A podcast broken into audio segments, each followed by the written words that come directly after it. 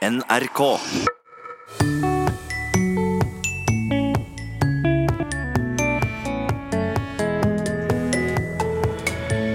Hva har skjedd med haren i matretten forloren hare? eller forloren skilpadde. Camilla Collett på 1800-tallet de skrev jo om oppskriftene for forloren skilpadde, og det var ikke måte på hvor vanskelig det var. Hvorfor settes alt mulig i spill nå til dags, og ikke på? Blant annet så kan demokratiet settes i spill, og kontantstøtten settes i spill. Og eh, i en eh, overskrift så, så jeg også hvordan den norske landbruksmodellen var satt i spill av regjeringa. Og hva i all verden er en labrajø? Ja, det der er et artig ord, ja. Døkk spør, vi svarer. Vel møtt til Språkteigen. Språkteigen er så heldige å ha mange nysgjerrige og vitebegjærlige lyttere. Resultatet av det er at vi får inn mange spørsmål. Så i dag spanderer vi ekstra mye tid nettopp på lytterspørsmål, og det er Sylfest Lomheim som er først ut med å svare. Britt Elin Ladehaug får starte med spørsmålet Hva kommer uttrykket 'å bringe på det rene' av? Ja, og det skjønner jo alle at eh, bringe på det rene på et, en annen versjon av norsken enn min, det er jo ikke noe komplisert for så vidt, for det er jo ren eller rein. Men det viser bare at eh, dette vanlige adjektivet vårt, rein, det har ikke bare én bruksmåte, men flere. Og her er det jo å få klårleik i, det vil si å bringe til avklaring. Da blir det brakt på det rene. Og vi har jo eh, reint farvatn, for eksempel. Her er det reint farvatn. Det betyr ikke eh, at det er nyvaska, men at det er klart, ikke sant? Og eh, reine ord for pengene, det betyr heller ikke at det er uten eh, flekker og reint i den tyinga, men rett og slett at det her det er beint på, klart. Så adjektivet rein har flere bruksmåter, sjølsagt. Vår hyttenabo på Sørlandet var i kirka og hørte salmen Lov Jesu navn og herredom, som ble synget der. I Garborgs gjendiktning av All Hail the Power of Jesus' Name står det i fjerde vers Kvart folk i kvar ei heimsens bygd her under solkjeld blått. Vi har forsøkt å finne ut hva solkjeld betyr, uten hell. Kan Språkteigen hjelpe, spør Liv Kari Vikre. Det veit du, Liv Kari, at Språkteigen de stiller alltid opp. De har svar. Og eh, jeg er ikke overraska over at eh, du og andre ikke heilt eh, kan ta dette her under solkjeld blått. Hva som ligger i det. Blåfargen er jo greit, og vi skjønner jo at dette betyr himmelen. Altså, himmelen er jo blå. Men dette ordet kjeld, det er egentlig det samme som vi også har i telt. Altså en teltduk. Og kjeld tjeld tyder da opphavlig en duk, et teppe, men egentlig aller helst, hvis vi går langt tilbake i tid, så tyder det skinn, altså huer. Det er det som vi tar av dyr, når, eh, og vi tar vare på skinnet. Og det er derfor òg at å kjelde i, eh, i norrøn tid, altså 1000 år sia, så vart det et verb som vart brukt om hvis du hadde, hadde ei, en enkel mur, la oss si på fjellet eller i utmark, og du gjorde det om til sommerhus, du skulle sove der, så kjelda du med huer eller skinn over, spente det over, og da hadde du egentlig husværet. Så og, og kjelda betydde da på den tida å legge skinn eller huer over eh, nokre enkle murer. Og det var faktisk det de gjorde hvis vi hoppa langt vestover til Island, og på Alltinget, Thingvellir, som de sier på Island, Tingvellir, og der hadde jo de ulike slekter sine boder, og der hadde de murene stående fast hele året gjennom, vinteren og alt, men når de kom om sommeren og hadde tingsete midt på sommeren og var der i tre-fire veker, da hadde de med seg hue og skinner og la oppå, og da sa de at de kjelda. Så derfor, for å vende tilbake til under solkjeld blått. Ja. Det betyr altså under en solduk eller en solkvelving blå. Og det er jo akkurat det himmelen er. Himmelen betyr jo ei, en kvelving. Har flere ganger den siste tida hørt planten løvetann bli omtalt som løvetenner i flertall. Jeg er 73 år og har aldri hørt dette før. Vil den ikke si at plenen er full av løvetann? For meg er løvetenner tennene til løven. Men hva er riktig, spør Solveig Sveia. Du Solveig, dette har du kunnskap om. Og eh, det er helt rett. Eh, Løvetann, hvis vi snakker om løvetenner, så er jo det tennene på løva, det.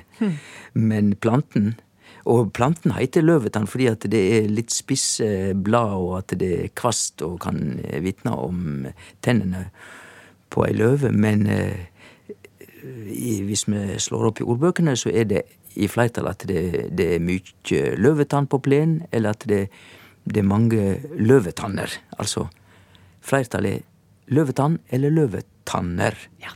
Og eh, hvis vi holder oss til bokstaven L i ordboka, så vil vi finne et annet ord som er helt parallelt til eh, denne måten å behandle løvetann på, og det er livmor. For det er klart at i flertall er ikke det livmødre. Det er flere livmorer, hvis vi har bruk for å omtale flere. Ordet forloren høres gammeldags og prektig ut. Og det ble brukt ganske ofte av min mormor, som var født i 1908. Ofte kjent som en betegnelse på en matrett, som i forloren hare. Men i hvilken, hvilke andre sammenhenger ble ordet brukt, spør Ter Terje Haugnes. Men først, hva betyr forloren? Ja, Terje, det, det du skriver om eh, din mormor født i 1908 og alt dette, det skjønner jeg veldig godt. Det er et gammeldags uttrykk, forloren. Det kommer fra tysk. Og forloren på tysk er en partisipp av et verb, og det betyr rett og slett at noe er tapt, forloren. Eller nærere oss forloren, da er noe tapt. Så slik er det. Og det virker veldig gammelmodig og prektig og, og fint, fordi at eh, Ikke minst prektig, fordi at vi, de få det er ikke mange nordmenn som har noe forhold til forloren, la oss si forloren hare og alt dette her. Men de få som har det, de veit jo at dette er liksom litt eh, fine, fine greier. Og ikke bare det, men, men på dansk, etter at ordet har kommet fra tysk og vandra nordover, og um, i dansk så vart dette med forloren et ord de brukte òg om det som var uekte og falsk. Og det kan vi skjønne, fordi at hvis du prøver å framstå som finere enn du er, så blir det uekte, ikke sant? Så i, i dans så kunne de til og med snakke om forlorent hår. Og det betydde at eh, kvinner da pynta seg med løse fletter. Det var uekte, det var falskt, forlorent. Men vi kjenner det nok som for eksempel forloren hare, eller forloren skilpadde. Eh, Camilla Collett på 1800-tallet de skrev jo om oppskriftene for forloren skilpadde, og det var ikke måte på hvor vanskelig det var. Forloren skilpadde. Og det betyr uekte skilpadde. Det var slettes ikke snakk om skilpadde, men de kaller det det for å løfte det veldig høyt opp. Men de brukte all slags kjøtt og, og til og med fiskeboller og andre ting for å få til denne retten. Og forloren hare er altså ikke hare i det hele tatt, men, men nå er ikke jeg noe kokk, det veit vel de fleste, men det, det er noe kjøttdeig og andre ting som de har sammen, og det er veldig fint, men det er altså ikke hare, det er en kjøttfarse. Så forloren i norsk, i den grad det er brukt, betyr noe som gjør seg finere enn det det er, som ikke er ekte, eller, eller noe slikt. Og den tyinga av forloren har vi fra dansk. Og sjølve ordet forloren er til og med i slekt med et kjent ord fra sjøen. Forlis. Det er òg i slekt med forloren. For et forlis er jo en båt som går tapt. Det sa Sylfest Lomheim, og det blir flere lytterspørsmål og svar i Språkteigen i dag, men først til et helt annet tema.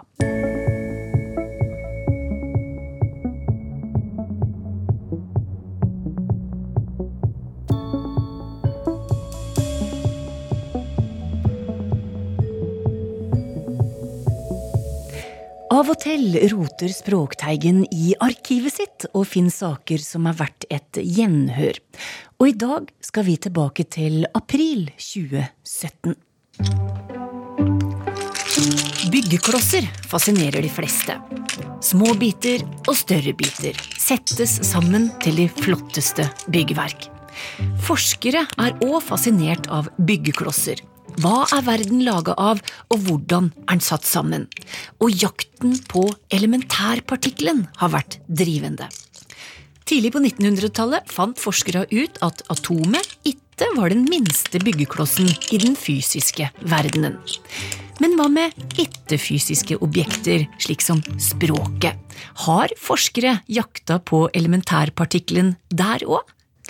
Vi spurte språkforsker Jan Christian Hognestad. Ja, det har vi faktisk.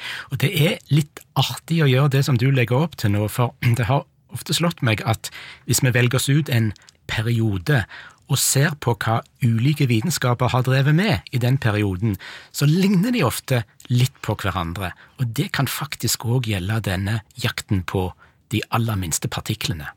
Men hvorfor drive med det? Hvorfor jakte på den minste byggeklossen i et språk, f.eks.? Ja, du kan så si. Eh, Hvis jeg skulle få lov å begynne litt med meg sjøl, så minner det meg nesten litt om da jeg var guttunge og tok de mekaniske lekene mine og skrudde de fra hverandre for å se hvordan de så ut inni, og for å finne ut hvordan de virka. Ja. Så det er en sånn iboende nysgjerrighet som, som alle, for, alle forskere bør ha, vel. Men så kan vi jo òg kanskje bruke det vi finner ut om språk til å si noe om hvordan og hvorfor endrer språk seg over tid, og da kan det bli litt mer konkret og litt mer håndgripelig, det vi holder på med. Men hva er den minste byggeklossen i språket vårt, da? Ja, hva tror du? Den er Bokstaver, da, kanskje? Eller tegn? Ja, eh, det er et ganske naturlig svar, men da tenker jeg at når du sier bokstaver, Ja. så virker det iallfall som om du tenker skrift. Ja. Og når jeg snakker om elementærpartikler, så er det talespråket jeg er, er opptatt av. Ok, men da er jeg tilbake til første klasse, da vi lærte lyden av bokstaven. Altså K var K, og P var P, og så videre. Er vi der, da? Ja, akkurat.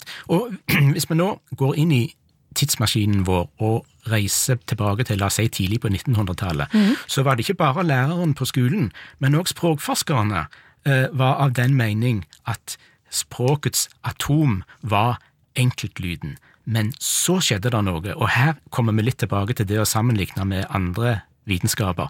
Da har jeg lyst til å ta utgangspunkt i én enkel språklyd, og la oss ta en som både jeg og du, både Torunn og Jan, har i navnet sitt, nemlig n-konsonanten. Eh, og la oss tenke oss at den har visse egenskaper. Den er for det første stemt, i motsetning til s, så er n stemt. Eh, og så er han nasal, det betyr at lyden eh, og lufta går ut eh, gjennom nesen. Og tenker vi på hva vi gjør med tunga vår når vi sier denne lyden, så setter vi den kanskje an mot tennene i overmunnen, og da kan vi på fint si at denne lyden er dental. Og så er det selvfølgelig mange egenskaper som denne lyden ikke har, men som andre lyder har. Og hvis vi så lager, tenk deg, en kolonne som lister opp alle de mulige egenskapene som lyder kan ha, og krysser av med pluss for de egenskapene som n-en vår har, og minus for de som en ikke har, ja, da har vi jo dissekert n-konsonanten vår og funnet ut at jo, den hadde jo en innmat, den òg. Eh, Den besto òg av mindre deler, Eh, og da har vi kanskje beskrevet den ganske presist ved hjelp av noe som er elementærpartikler. Men du, når, når jeg snakker om sånne kolonner med plusser og minuser, minner det deg om noe? Ja, da kommer jeg fryktelig fort inn i en digital verden, da. Ja, ikke sant? Ja. Og på 1900-tallet, hvis vi tenker eh, naturvitenskap for eksempel, så var jo to fokusområder der nettopp jakten på elementærpartiklene og dette her med å beskrive virkeligheten som pluss eller minus, null eller én. Enten er det sånn, eller så er det sånn. Og altså, i det samme tidsrommet så dreiv språkforskerne med det som jeg nettopp har talt om, og som faktisk likner veldig. Så da er vi ved veis ende, da. Da har vi funnet den minste byggeklossen, og det ligger i hvordan egenskapen til eh, språklyden er. Mm, ja, plussene og minusene mine. Ja. ja, kanskje, men fortellingen min har faktisk ett kapittel til. Um, jeg går ut fra at du har hørt om uh, Mannen i månen. Ja. Ja. Ja. Eh, og nå er, nå er det ikke selve mannen jeg er opptatt av, men det å si akkurat eh, det uttrykket der. Eh, og det rare er at når jeg sier, eh, og dette kan lytterne faktisk prøve etterpå, når vi sier mannen i månen, så blir alle lydene der nasale. Eh, hvis du har lært fransk på skolen, så lærte du kanskje at fransk de har egne vokaler som alltid er nasale, eh, og det har vi liksom ikke på norsk. Men du kan faktisk ikke si 'mannen i månen' uten at alle de norske vokalene dine òg blir pluss nasal, for å holde meg til pluss- og minus-egenskapene mine. Og sånne observasjoner har fått forskerne til å lure på om sånne egenskaper som nasal det er det som virkelig er språkets egentlige aktører på mikroplan, for nasalitet er noe som vi skrur på, og så varer han en stund, og så skrur man av igjen. Så ikke bare er dette elementærpartikler, men de lever sitt eget liv, altså nasaliteten lever sitt eget liv, uavhengig av enkeltlydene, og på fint så kalles de faktisk for autosegmenter. Oi. Ja. Ja. Men er dette så viktig kunnskap egentlig i språkopplæringa? Aha, nå tror, jeg, nå tror jeg kanskje du vil ha meg litt ned på bakken igjen her. Ja. og, og da innrømmer jeg glatt at i språkpedagogikken, i lese- og skrivepedagogikken, der er det nok fremdeles enkeltlyden, den, enkle, eh, den enkelte vokalen og konsonanten som er i sentrum. Ja. Alt som er mindre enn den, ja, det får forskerne eh, ta seg av. Men da er jo spørsmålet, hva bruker dere det til? Ja, kanskje kunne vi fortsette å bruke denne n-en vår som, eh, som et eksempel. Eh, der jeg bor, så er det et uteområde som heter Vannbassengene. Eh, og hørte du hva jeg sa nå? Jeg sa egentlig ikke vannbassengene, jeg sa vannbassengene. Ja. Sånn at vår kjære N ble til en M. Og hvorfor ble han det? Jo, det er nettopp fordi at han så å si ønska å dele noen egenskaper, noen plusser, med den lyden som kom etterpå, nemlig B-en. Og M-en og B-en, som jo ble resultatet her, de har denne her leppeegenskapen felles. Og skal man forklare da hvordan vannbassengene blir til vannbassengene, så må vi nettopp ned under atomnivå, under den enkelte lyd sitt nivå, og finne ut eh, hva ligger inni lyden, og hva er det der som gjør at vi får de effektene som vi får. Ja. Så rett og slett når det skjer en sånn språkutvikling, så stuper dere ned i partiklene under atomene. Det gjør vi. Det sa språkforsker ved Universitetet i Stavanger, Jan Christian Hognestad.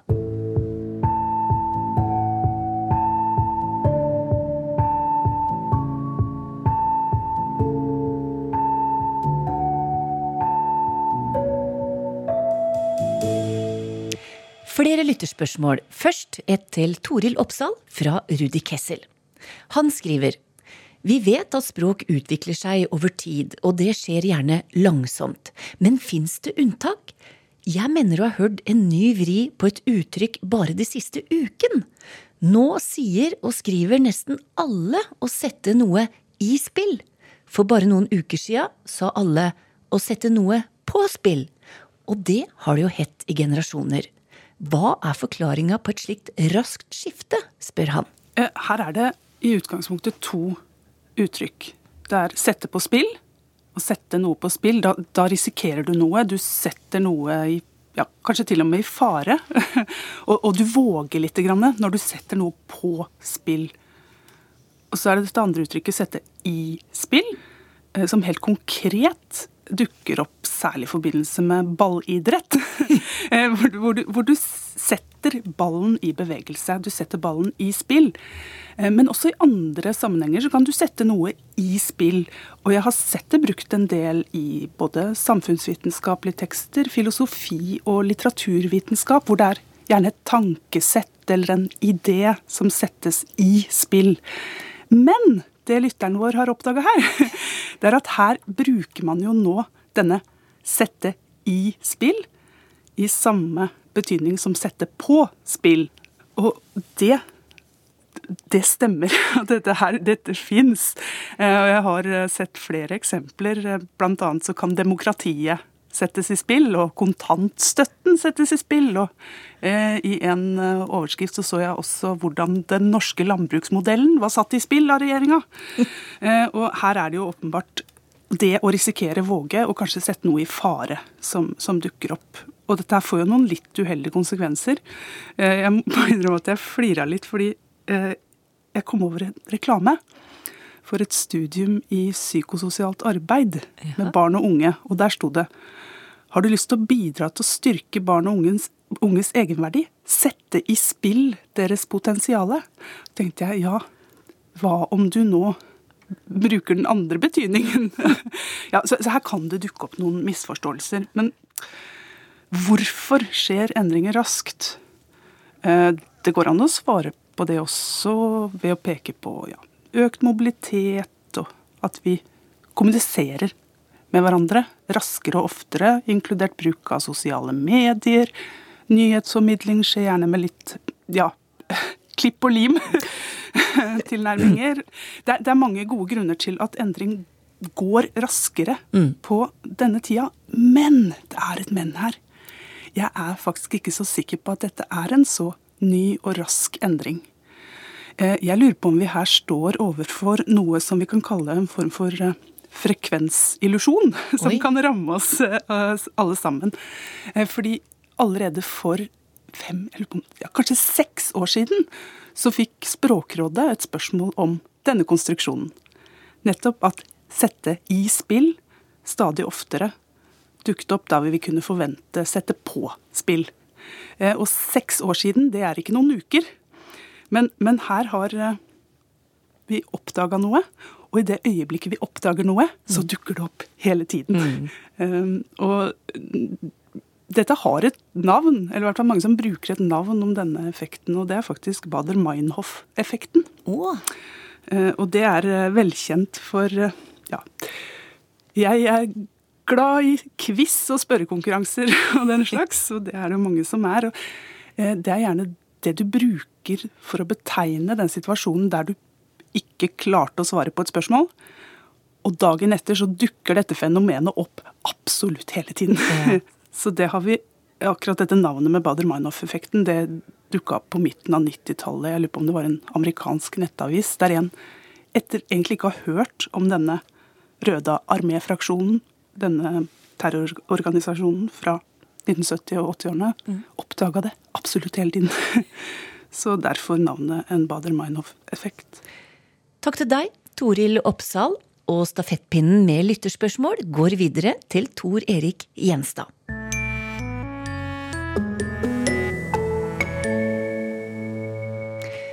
Her får Ulf Kristiansen starte. Han skriver. Da jeg var liten, kunne far min kalle meg en snåkalort.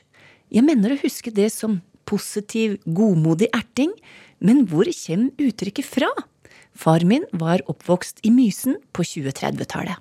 Ja, jeg kan ikke se at vi har det der i, i samlinga vår så langt. Mm. Men jeg regner med at det er verbet, altså å snåka eller snoka som betyr å, å snus og snike rundt, eh, kanskje for å stjele godteri. altså, så at en snåkalort egentlig blir en snushane. da. Eh, så det kan jo tenke seg at ungene får lete etter godteriboksen. Men at det, det er sikkert, eh, som du sier, helt godmodig, det her. Mm. Uh, og lort er jo liten? Ja da, det, jo, ja da, det går jo igjen i mange slike ja, ja. Så halvnegative ord. Mm. Uh, Rindala så kaller de en slik for en snokalaup. Så det finnes flere ord for det der. Men jeg tror nok det er snushane som er utgangspunktet, men eh, nokså avbleika og egentlig godt og humoristisk ment, det her. Mm. Og vi kjenner jo igjen unger. De legger seg jo gjerne oppi og vil vite litt både her og både der, og få oh, med ja, seg ting ja. som blir sagt. Hvorfor det, og hvorfor det? Ja. her om dagen sa mor mi at en spesiell garntype gjør at plagget blir så leppje. Og med det mener hun at det blir løst med lite hold i. Og hva er etymologien til det ordet, som er fra ytre Nordmøre? Og det er Kristin Røsand Halse som spør. Ja, leppjøya om eh, stoff som ikke henger godt i hop, som er løst vove, f.eks. Mm. Eh, Norsk ordbok fører opp den betydninga fra Romsdalen. Men det er jo på ytre Nordmøre. ja, Det er jo belegg f.eks. fra Smøla og fra Eide. Altså Det henger dårlig sammen og holder dårlig på forma. Adjektivet leppje eller leppjen det har mange flere betydninger. Uh, etymologien det går nok tilbake uh, ytterst da, til et verb å lapa eller lape, som betyr å henge slapt. Så det er noe som, uh, som henger dårlig i hop som holder dårlig på forma. Uh, og heim der jeg kommer fra, der, der har det ei særbetydning. Det kunne være leppje før. Altså det er bløtt og slaskete. Og, og, så har du et verb her. Uh, og leppje, som kanskje en del kjenner, det er jo det som katta gjør når hun ja. drikker skåla. Ja. Stikk tunga i, ikke sant? Da, da lepper hun. Og et annet ord som også henger sammen med det, det er lepsitt, eller lepasitt om klesplagg som er ojevnt i kanten. Det hører også til denne eh, ordslekta her. Men det, det er altså heng slapt ned som er grunnlaget her. Her en dag sa en kollega et merkelig ord. Og kollegaen er opprinnelig fra Kvinesdal Vigelandsområdet. Ordet det var labrajø, og er visstnok en matrett laga av rester. Hva er opprinnelsen og utbredelsen av dette ordet, spør Arne Mario Gjestland. Ja, det der er et artig ord, ja. Det ser ut for at uttalen faktisk skal ha, være med trykk på siste stavelse, altså labrajø. Mm -hmm. Men det kan sikkert variere. Norsk ordbok har det fra risør, eh, så du er nå på Sørlandet. Og da i betydning småsuppe eller bettasuppe. Og det finnes det et ord labre eller labre, hinkekjønnsord som betyr gelé av kjøttkraft, og overført om tullprat. ja, det er noe Det er Sørlandet, da. Agderfylkja. Og så har du òg et jysk uh, dialektord, uh, altså fra Jylland i Danmark, labber, som betyr gelé. så det er nok uh, samme sorten, alt det der. Og, og, det er mulig at oss her da kommer tilbake til det samme opphavet som vi har i adjektivet leppje, eller leppjen. Altså det her verbet å, å lape, eller lape om å henge slapt ned. Det kan også bety å dirre og beber, som vi sier, om uh, geléaktig masse. Ja, da får du geléfølelsen, ja. ja, det gjør det. Uh, ja, det er flere ord med den slekta. For eksempel lapøyd. Er et norsk dialektord har som plasser. Det betyr da at han har ører som henger ned. Altså at han er hengeøra. Takk til deg, Tor Erik Gjenstad. Og det var det vi rakk i Språkteigen i dag. Har du spørsmål, skriv til oss på teigen krøllalfa nrk.no. Takk for nå, og ha det bra.